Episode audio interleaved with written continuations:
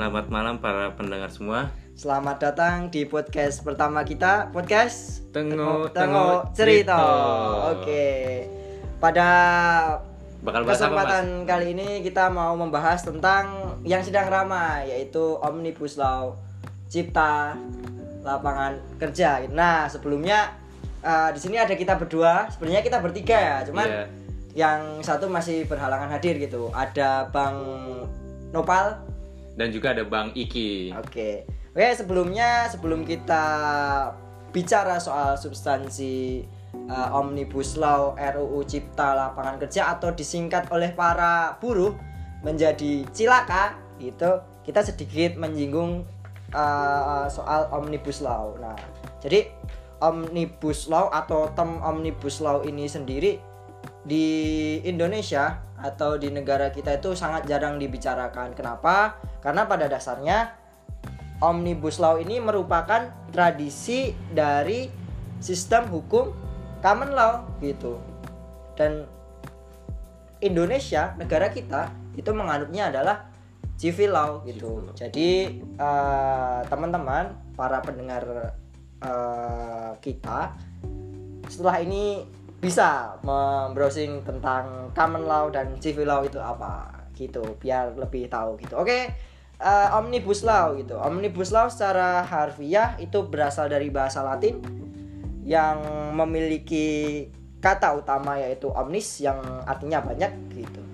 Jika konteksnya undang-undang maka dapat dimaknai sebagai penyelesaian berbagai peraturan atau sebuah kebijakan itu yang tercantum dalam berbagai undang-undang ke dalam satu payung undang-undang.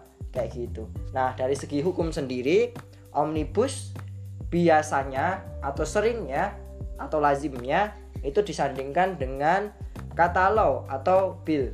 Yang memiliki makna adalah suatu peraturan yang dibuat berdasarkan ha- hasil kompilasi beberapa aturan yang substansinya dan tingkatannya berbeda-beda. Atau omnibus law itu adalah metode atau konsep pembuatan peraturan yang menggabungkan beberapa aturan yang substansi pengaturannya berbeda menjadi suatu yang berfungsi sebagai payung hukum atau umbrella act. Jadi kalau gampangnya adalah banyak nih aturan-aturan. Itu kemudian eh, dijadikan satu menjadi satu payung hukum kayak gitu. Nah, konsekuensinya dari diterapkannya omnibus law ini atau peraturan ini adalah membuat beberapa aturan hasil penggabungan dan substansinya selanjutnya dinyatakan tidak apa namanya eh, tidak dipakai lagi itu secara sebagian atau seluruhnya. Nah, begitulah yang disebut dengan omnibus law kayak gitu.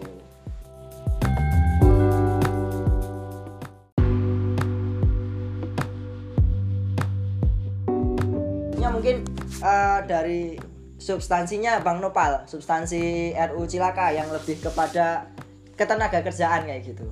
Ya, terima kasih Bung Iki. Sebenarnya dari draftnya ini belum muncul ke publik ya. Iya. Emang lucu sih kalau Indonesia tuh draft tuh kayaknya masih rahasia sentris ya dari sebelumnya. Kan tahun-tahun kemarin tuh banyak isu-isu RU ya, Ya. banyak. Nah, dari dulu tuh ya, draft tuh masih kadang-kadang masih berubah-berubah dan perlu nah ini kan kita harus hasil respon dari sebuah buruh ya buruh mas jadi kita mencatat sebuah poin-poin yang jadi permasalahan dari buruh seperti apa nah sebelumnya juga nah undang-undang cilaka menarik juga ya ya kan katanya menghilangkan beberapa pasal ya kita kalau kita lihat eh, ada beberapa pasal yang dihilangkan eh, ada sekitar eh, 80 undang-undang lebih dan juga 1244 pasal. Nah, di situ kita belum tahu nih substansinya apakah ini mempermudah atau malah menghilangkan hal yang menjadi perlindungan bagi buruh sendiri. Kan kalau buruh sendiri sebenarnya udah diatur dalam eh, UU Ketenagakerjaan nomor 13 tahun 2003. Tahun-tahun lalu juga itu menjadi sebuah perdebatan juga ya Mas ya.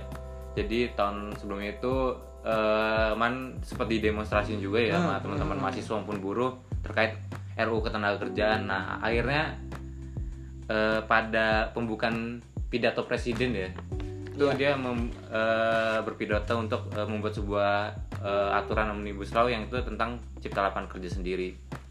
Nah di sini sempat panas tuh ketika kemarin tuh di, buruh tuh berdemonstrasi tanggal 13 Januari hari Senin kemarin tuh akhirnya membuat eh, ya lebih panas lagi. Cuman sampai sekarang maupun media makanya masih redup-redup aja gitu tentang isu ini.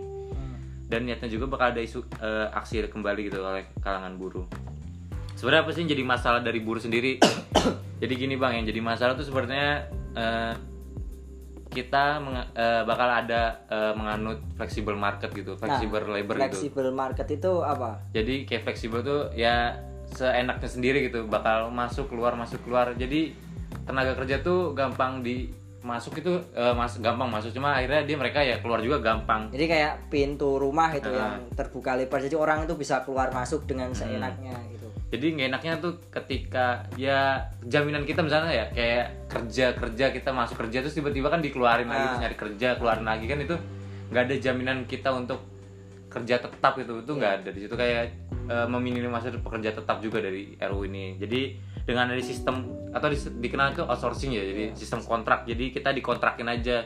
Sebenarnya tuh kontrak tuh bagus di beberapa pekerja misalnya kayak pekerja musiman gitu. Kayak orang-orang kreatif kan pekerja mungkin dalam se ini ya project gitu project. Ya, nah itu kan project. emang itu kontrak. Jadi kan mah berbeda dengan tenaga kerja yang sistemnya mungkin jangka panjang kayak buruh pabrik yang tekstil dan lain itu kan mereka jangkanya panjang. Seharusnya memberi sebuah jaminan gitu dalam jangka panjang. Namun di sini RU ini eh, mencoba untuk meminimalisir pekerja tetap sendiri karena dengan pekerja tetap tuh jaminan mereka lebih banyak seperti ada jaminan sosial, jaminan eh, berupa kayak kesehatan dan lain itu dijamin sangat besar kayak pesangon ketika dipecat. Nah sedangkan kalau pekerja-pekerja fleksibel nih mereka emang nggak dijamin secara jaminan sosialnya nggak dijamin. Jadi enaknya gitu. Jadi bagi perusahaan ya enaknya. Cuma kan bagi pekerja ya lihat aja kayak gampang PHK kan ketika PHK seenaknya kan kasihan juga kan pekerja. Nah sebenarnya jadi permasalahan tuh RU ini sebenarnya buat siapa juga sih sebenarnya ketika eh, ini kan dibentuk kalau lihat satgas itu satgasnya satgas pengusaha semua ya Om, iya ya. jadi satgasnya. eh semacam kelihatan arahnya. Heeh. eh, RU ini kan meskipun kita juga nggak ngerti ya sebenarnya apakah kemudian nanti ketika finalisasi ini masih ada yang menguntungkan untuk untuk para pekerja atau para buruh kayak gitu. Tapi Hmm. Nah, kita nggak tahu. Nah, tapi sejauh sejauh ini kan arahnya ke menguntungkan para pengusaha gitu. Orang-orang yang ya dia punya segala sumber daya gitu Nah bener-bener Satgas juga kan diisi ketuanya Kadin ya Kadin. Nah dan juga bener katanya pengusaha dan juga yang sayang di mana gitu keterlibatan gue dalam aturan ini. Jadi sebenarnya aturan ini buat siapa gitu. Jangan sampai aturan ini menguntungkan pengusaha cuma merugikan kan. Sebenarnya itu aturan bagus ya. Cuma kan kadang-kadang perlu ya keterlibatan orang-orang yang eh, pengusaha, pemerintah maupun buruh gitu. Cuma sampai sekarang kan buruh eh, tidak ada dalam satgas tersebut sehingga ya kelihatan banget forum gitu. Untuk siapa sih aturan ini? Sehingga banyaknya demonstrasi buruh ya itu wajar karena merugikan mereka sendiri gitu karena keterlibatan juga. Nah selanjutnya nih bang yang kedua terkait dengan eh, hak pesangon. Jadi buruh tuh sebelumnya kan pesangon tuh eh, dijamin ya ketika eh, sebelumnya uh, UU Kerja sebelumnya jadi jadi ketika adanya UU yang omnibus law jadi mereka hanya enam bulan upah aja yang di sebelumnya. Sebelumnya itu 36 kali upah ketika dia di PHK gitu dibayar gitu. Cuma ketika adanya dipecat PHK tersebut cuma enam bulan doang. Jadi semakin kecil lah jaminan-jaminan mereka ketika adanya ini. Karena tujuannya emang itu untuk meringankan pengusaha untuk masuk ke dalam gitu. Iya iya iya.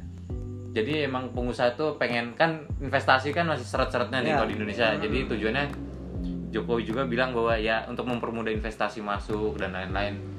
Sebenarnya pro-pro aja sih investasi cuma kan investasi yang pro juga terhadap buruh gitu. Gitu bang. Sebenarnya itu yang masalah gitu.